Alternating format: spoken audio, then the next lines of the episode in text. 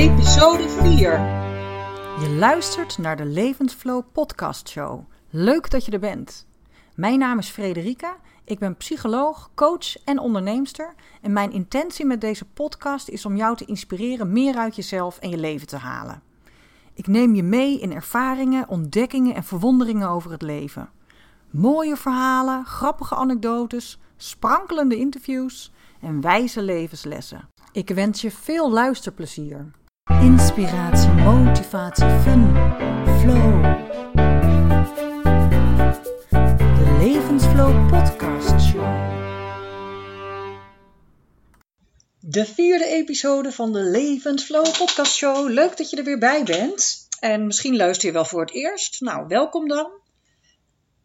De Levensflow Podcast Show, de show waarin ik heel graag mijn eigen ervaringen deel, anekdotes deel, wijze levenslessen, dingen die voorbij komen in mijn leven, maar ook die ik meemaak in mijn praktijk met cliënten waar ik mee werk. Vandaag wil ik het heel graag hebben over de innerlijke criticus, zelfveroordeling. En waarom wil ik het daarover hebben? Omdat bijna iedereen die ik in mijn stoel hier heb, of niet in mijn stoel, maar in zijn of haar eigen stoel tegenover mij, maar in mijn praktijk heb, die heeft wel last van een grote innerlijke criticus. En een innerlijke criticus, wat is dat nou eigenlijk? Een kritisch stemmetje wat je in je hebt, wat continu commentaar levert op alles wat je doet. En sommigen noemen het een draak op hun schouder, een ander inner critic, of nou, hoe je het al wil noemen. Maar het is zo'n hele kritische stem, zelfveroordeling, dat je continu streng bent naar jezelf, dat je vindt dat je niet goed genoeg bent, dat je dingen niet goed doet, dat je niet goed genoeg presteert, dat je er niet bij hoort, dat je niet aardig bent. Nou, of dat je misschien wel aardig bent, maar dat je bang bent dat je niet aardig wordt gevonden. En daar wil ik vandaag dieper op ingaan, op die innerlijke criticus. Hoe ontstaat zo'n innerlijke criticus? Waar komt het concept zoals ik ermee werk uh, vandaan? En ook wat kan je daar tegenover stellen? Of wat kan je doen om minder last te hebben van die innerlijke criticus? Nou, ik ken de innerlijke criticus zelf eh, ook heel goed. Nu ook bij het opnemen van deze podcast zal die zeker meerdere keren nog wel voorbij komen. Dat ik vind dat ik misschien te veel uh zeg, of dat ik vind dat ik niet duidelijk genoeg ben, of dat ik me aan het afvragen ben of mijn verhaal wel hout snijdt.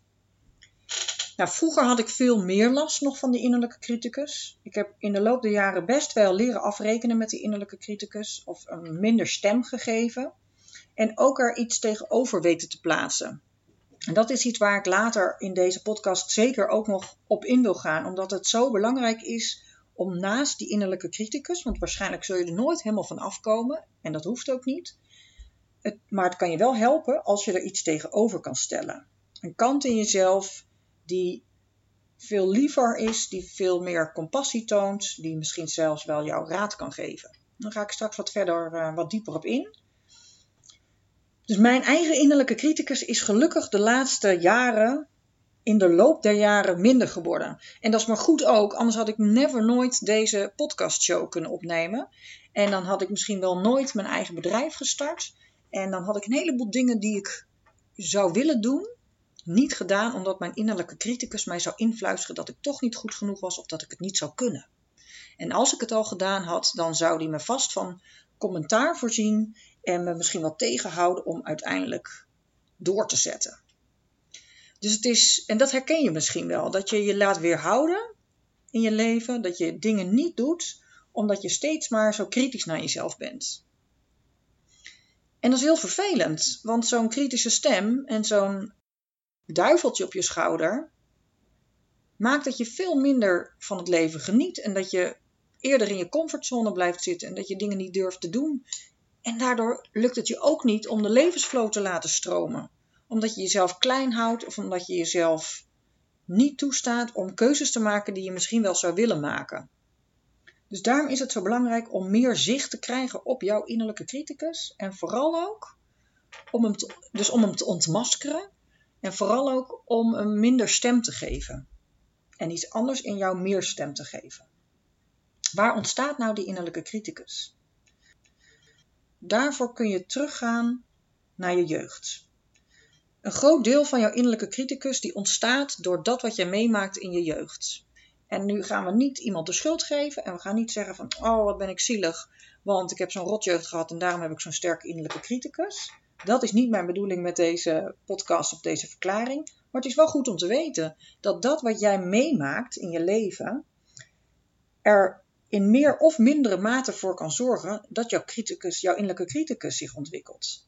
Dus hoe meer jij vroeger gehoord hebt dat je iets niet goed deed, of hoe meer je gemotiveerd of gestimuleerd werd om te presteren en het goed te doen, hoge cijfers te halen, hoe meer kans jouw innerlijke criticus heeft gekregen om uh, zich te ontwikkelen. En soms gebeurt dat bij een, een, hè, bij een bepaalde gebeurtenis waarin die innerlijke criticus ineens heel sterk is opgekomen. Maar heel vaak gebeurt dat geleidelijk en weten we dat ook helemaal niet precies wanneer die is ontstaan. Wat er belangrijk bij is, is dat jouw persoonlijke kwetsbaarheid of jouw persoonlijke blueprint ervoor zorgt hoe jij met die kwetsbaarheden bent omgegaan. Of hoe jij met die uh, drang tot presteren of die, dat wat er van jou verwacht werd, die kritiek eigenlijk die op jou geleverd werd, hoe jij daarmee bent omgegaan. Of twee kinderen uit hetzelfde gezin, die krijgen min of meer dezelfde opvoeding. En toch ontwikkelt de een een veel sterkere innerlijke criticus dan de ander. Dat heeft ermee te maken dat jij als persoon ook, jouw persoonlijkheid draagt ook bij hoe jij uh, omgaat met de dingen en uh, of jij dingen wel of niet ontwikkelt. En dus ook of jouw innerlijke criticus meer ruimte heeft gekregen. En die criticus die is niet alleen maar gevormd door wat je van thuis hebt meegekregen in je opvoeding. Of dat kan ook ontstaan zijn bijvoorbeeld door een kritische leraar. Of doordat je gepest werd op school. Of doordat je buiten de sociale groep viel. Het kunnen allemaal redenen zijn geweest waardoor jouw innerlijke criticus meer ruimte heeft gekregen. En ook de maatschappij. wat, wat, wordt er van ons tegenwoordig verwacht in een maatschappij? Wat hebben we met elkaar ook als regels en normen bedacht waaraan je moet voldoen. En, en wil je daaraan voldoen en lukt het je om daaraan te voldoen? Nou, als je dat niet goed lukt, dan kan jouw innerlijke criticus sterk zijn woordje gaan doen of daar wat van vinden. Dus het kan zijn dat jouw innerlijke criticus dan harder schreeuwt als het ware. Nou, je hoort al aan de manier waarop ik erover praat dat ik het heb over een innerlijke criticus alsof dat een deel van jou is. alsof dat een deel van jou is, alsof dat bijna een persoon van vlees en bloed is die op een moment in jouw leven ontstaan is of, of op is komen duiken uh, en, een rol in jouw leven is gaan spelen. Nou, dat komt omdat de, het concept innerlijke criticus, zoals ik het ken en zoals ik het uh, ontdekt heb, komt uit voice dialogue. En voice dialogue dat is een bepaalde methodiek waar ik mee werk. En dat is ontwikkeld door twee psychologen uit Amerika, Hal en Sidra Stone. En zij gaan er eigenlijk van uit dat ieder mens uit verschillende kanten bestaat. er is een kant die graag lui is, of er is een kant die graag gaat sporten, of er is een kant die heel zelfverzekerd is, maar er is ook een kant die af en toe heel onzeker is. En er is een kant die heel netjes kan zijn, maar er is ook een kant die af en toe lekker de boel de boel wil laten. En er is een kant die van het leven kan genieten. En er is een kant die heel streng is. Nou ja, zo kan ik echt nog wel een hele tijd doorgaan. Er zijn, ieder mens bestaat uit heel veel kanten. En zij noemen dat ook wel subpersonen of ikken. Nou, in jouw leven heb je als het ware al die ikken ontwikkeld. Bepaalde ikken die ontwikkelen zich doordat iets gestimuleerd is. Dus als jij bijvoorbeeld vroeger gestimuleerd bent om netjes je kamer op te ruimen en heel veel structuur in je opvoeding hebt gehad en jouw ouders zelf heel veel van structuur, structuur hielden, dan heb je kans dat jouw gestructureerde kant, of jouw kant die graag controle houdt, of die de boel graag overzichtelijk houdt, zich goed heeft kunnen ontwikkelen. Want dat heb je als het ware al als kind kunnen leren. En jouw hersenen zijn als, als jong kind heel erg flexibel. Dus dan gaan er ook bepaalde verbindingen in je hersenen zich uh, creëren, waardoor het, het talent of de vaardigheid voor structuur en orde houden zich in jouw hersenen heel goed weet te manifesteren. Zo zijn er ook bepaalde kanten in jou die misschien er niet mochten zijn. Misschien was er een hele flamboyante kant in jou, of misschien was er wel een luie kant in jou die, die lekker niks wilde doen. Of misschien was er wel een rebel in jou, of een levensgenieter, waar, waarvan jouw ouders misschien vonden dat het helemaal niet hoorde of niet netjes was. En doordat jij daar steeds eigenlijk te horen kreeg dat dat er niet mocht zijn, heb je als het ware die kant minder aandacht kunnen geven. Of die heb je misschien wel weggestopt, want je, ja, je hebt geleerd dat dat niet kon. En als je naar voice dialogue kijkt, dan kan je het jezelf en jouw ikke of jouw subpersoon eigenlijk als volgt voorstellen. Stel je maar voor dat, je, dat ieder mens, dus jij ook, een grote bus heeft. Een leuke touringcar. En in die bus zitten al jouw subpersonen. En sommige van die subpersonen die zitten heel erg voor in die bus. Dat zijn de primaire kanten. Dat zijn de kanten die dus veel gestimuleerd zijn. Toen jij als, hè, als kind dat alles, of dat wat, er, dat wat er mocht zijn, of wat juist belangrijk was om te ontwikkelen. Dat, dat zijn jouw primaire ikken en die zitten voor in de bus. Maar er zijn dus ook die kanten die er niet mochten zijn. En die zijn als het ware achter in die bus beland. Of die, die zijn een beetje afgedropen.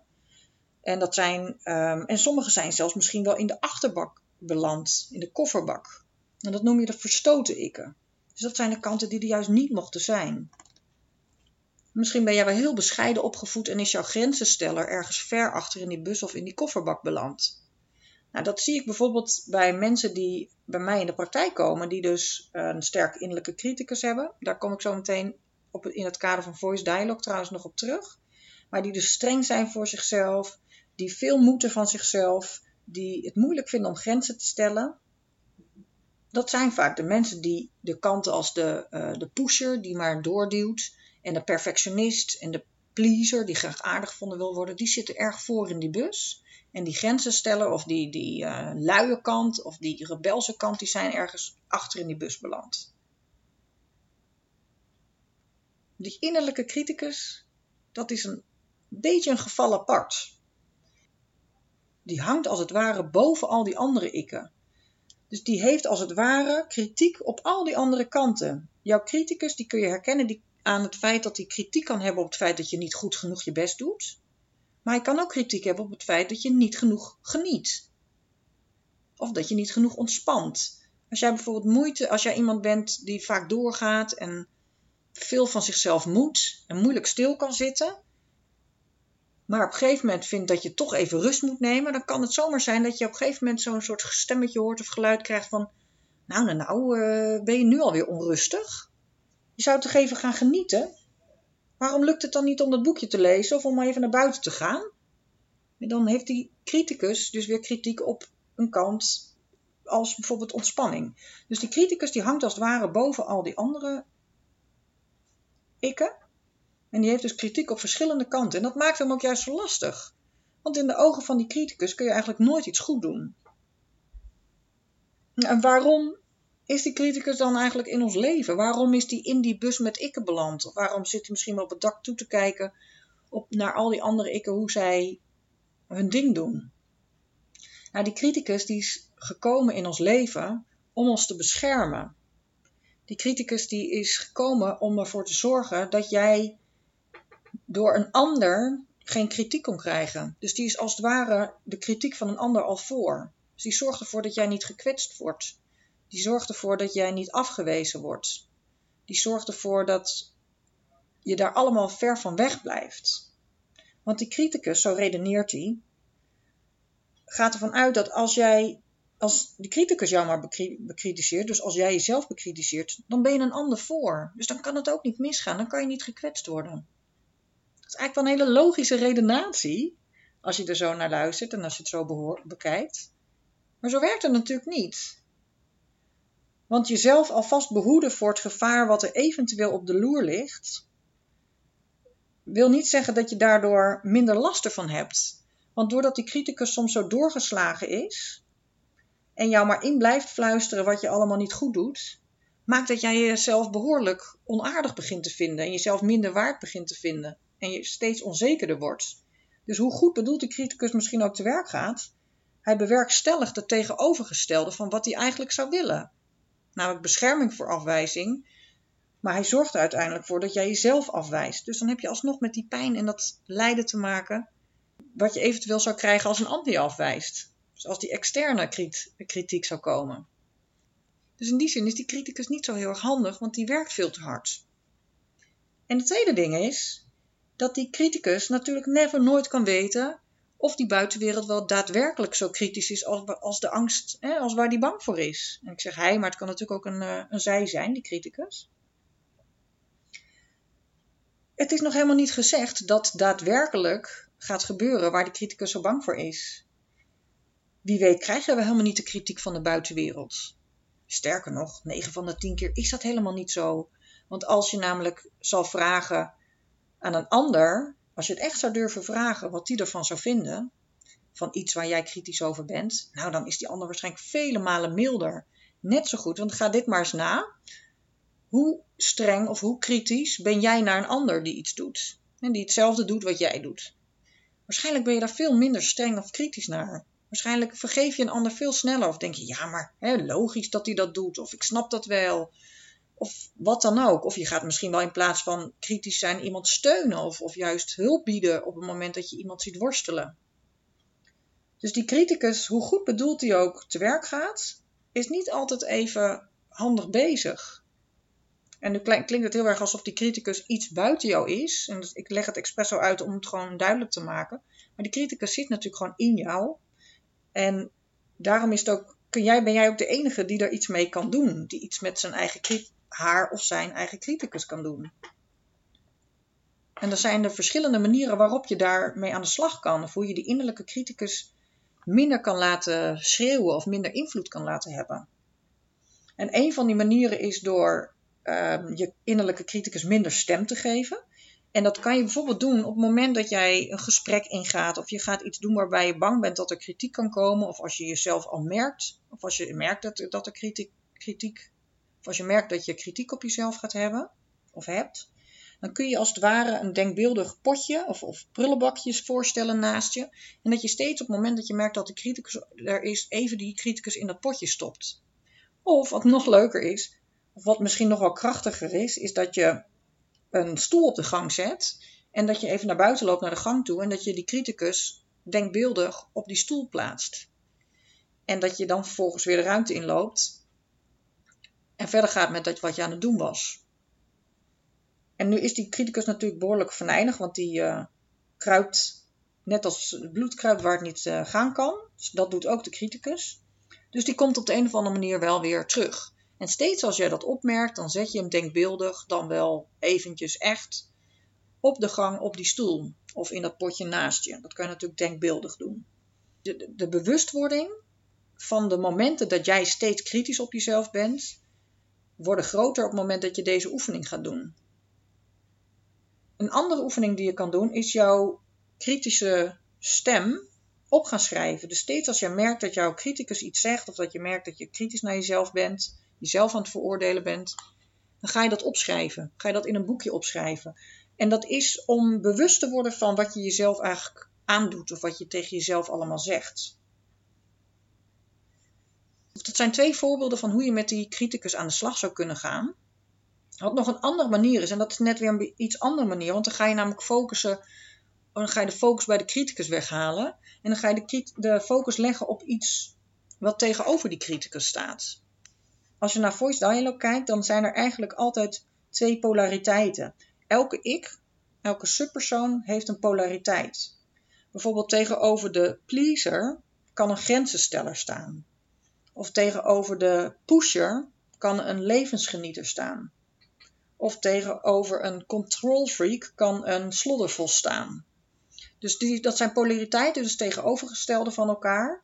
En zo heeft een innerlijke criticus ook een tegenovergestelde. En zelf werk ik in mijn sessies en in mijn werk graag met de innerlijke raadgever als tegenpol van de innerlijke criticus.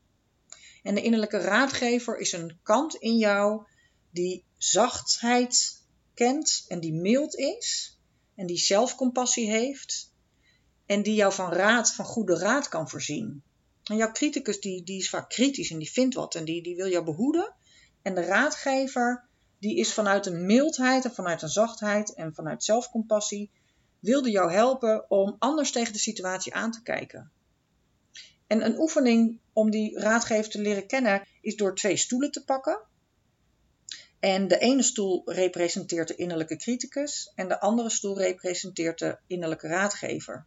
je gaat om de beurt een tijdje op die stoelen zitten. En je begint bij de innerlijke criticus en dan ga je, sluit je je ogen.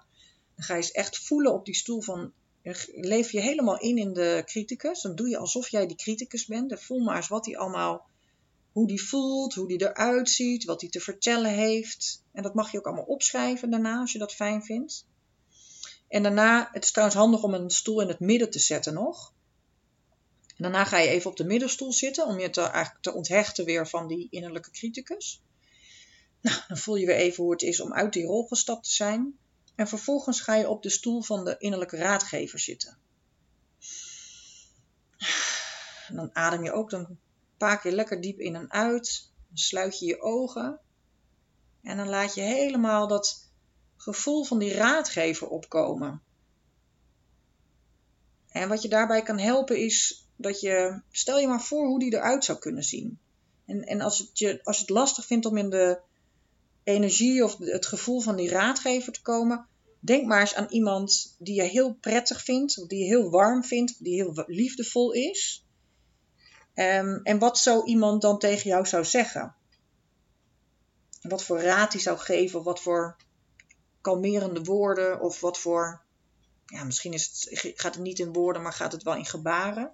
Dus kijk maar eens of je helemaal in dat gevoel van die innerlijke raadgever kunt komen. En kijk ook maar of je daar uiterlijke kenmerken aan kunt verbinden, of misschien een kleur, of misschien een voorwerp wat er bij je opkomt. En zo krijg je meer contact met die innerlijke raadgever. Dit kan je vaker doen, die oefening. Dus, dus vaker als het ware in te tunen op die energie van die innerlijke raadgever. En je die je voor te stellen. Om eigenlijk meer contact te maken met die innerlijke raadgever. En misschien vind je het wel een beetje gek op deze manier, met een raadgever en een criticus en met kanten van jezelf. Maar stel je nou voor dat jij uh, jezelf eigenlijk al die tijd als het ware wijs maakt of, of, of voorhoudt dat je niet goed genoeg bent, of dat je iets niet zou kunnen, of dat het beter moet. Dat is natuurlijk ook maar een verhaal in je hoofd. Dat is een verhaal wat jij ervan gemaakt hebt, wat getriggerd wordt en wat opgebouwd is door wat je vroeger van thuis hebt meegekregen, door hoe jij persoonlijk in elkaar zit, dat wat je als het ware naar je toe trekt. Dus als dat verhaal zo waar kan zijn, laat dan ook dat andere verhaal maar waar zijn. Geloof er maar in dat dat andere verhaal net zo waar kan zijn. En de mensen in deze wereld die veel minder last hebben van een criticus, die geloven veel meer in de waarheid van hun, eh, van innerlijke raadgever, of van mildheid, of van compassie, of van levensgenieten. Jij mag er ook in gaan geloven dat die innerlijke raadgever net zo'n plek in mag nemen in jouw leven als die innerlijke criticus. En ik gaf het in het begin van de podcast al aan: het is niet zo dat jouw innerlijke criticus helemaal weg hoeft. Dat, dat, daar zou ik niet naar streven. Want als je daar naar streeft, dan raak je steeds teleurgesteld. En weer kritisch naar jezelf dat het niet lukt om je criticus kwijt te raken. Dus neem voor mij aan, die criticus die hoeft niet weg. Want die criticus kan trouwens ook soms best wel handig zijn. Want die heeft er misschien wel voor gezorgd dat jij die topbaan hebt gekregen. Of die heeft ervoor gezorgd dat jij je diploma hebt gehaald. Of nou, weet ik wel waar. Die, allemaal, die kan ook zeker voor een aantal dingen zorgen. Of die heeft ervoor gezorgd dat jij op, op uh, dat feestje niet zo flap uit uh, was door allerlei dingen te zeggen die niet zo handig waren. Dus die criticus die heeft zeker um, wel zijn voordelen en ook zeker wel zijn momenten dat hij handig kan zijn. Alleen op het moment dat je merkt dat je overstroomd wordt als het ware door die criticus, dan is het wel zinvol om te leren die criticus wat meer te parkeren en die innerlijke raadgever meer ruimte te gaan geven. En veel mensen vinden het bijvoorbeeld makkelijker om zich voor te stellen dat een ander, een, een, vriend of een vriendin die het moeilijk heeft of, of kritisch is naar zichzelf, om die gerust te stellen of te troosten. Dus het kan je ook misschien helpen op het moment dat je kritisch naar jezelf bent, om je voor te stellen van, nou, wat, zou, wat voor advies zou ik een vriend of vriendin nou geven die met dit probleem worstelt of met deze kritiek worstelt. En kijk maar eens wat er dan in je opkomt, want dan heb je eigenlijk ook de stem van de innerlijke raadgever te pakken. Wat trouwens nog een interessant boek over zelfcompassie is, is een, uh, dat boek heet ook Zelfcompassie. Dat is van Christine, Christine Neff. En zij heeft ook een TED-talk op uh, YouTube, dus dat zou je ook eens kunnen opzoeken. En Hel en Sidra Stone van Voice Dialogue, waar ik het net over had, die hebben het boek De innerlijke criticus ontmanteld. Oh nee, ontmaskerd geschreven. Dus dat kan je ook nog gaan lezen als je dat interessant vindt. En nu had ik eventjes mijn podcast gepauzeerd, omdat mijn innerlijke criticus nu mij influisterde. Ja, uh, uh, ben je nu klaar? Of wat ga je eigenlijk nog vertellen? En weet je nu wel waar het nog verder heen moet gaan? En uh, dat wist ik dus even niet. Dus ook uh, mijn criticus kwam even om de hoek zuilen. Ja, en wat vind ik daar dan, wat vind ik daar dan van? Want ik zit nu te denken, hmm, ik ben nu al 27 minuten bezig. Hoe lang is de aandachtspannen van een mens die een podcast luistert? Wanneer is het nog interessant? Gaat er überhaupt wel naar geluisterd worden? Nou, je merkt het al. Tijd om mijn innerlijke raadgever uh, weer wat stem te gaan geven. En even te gaan voelen wat die te vertellen heeft. En om te kijken of die mij kan helpen. Dus ik ga nu heel eventjes intunen op mijn innerlijke raadgever.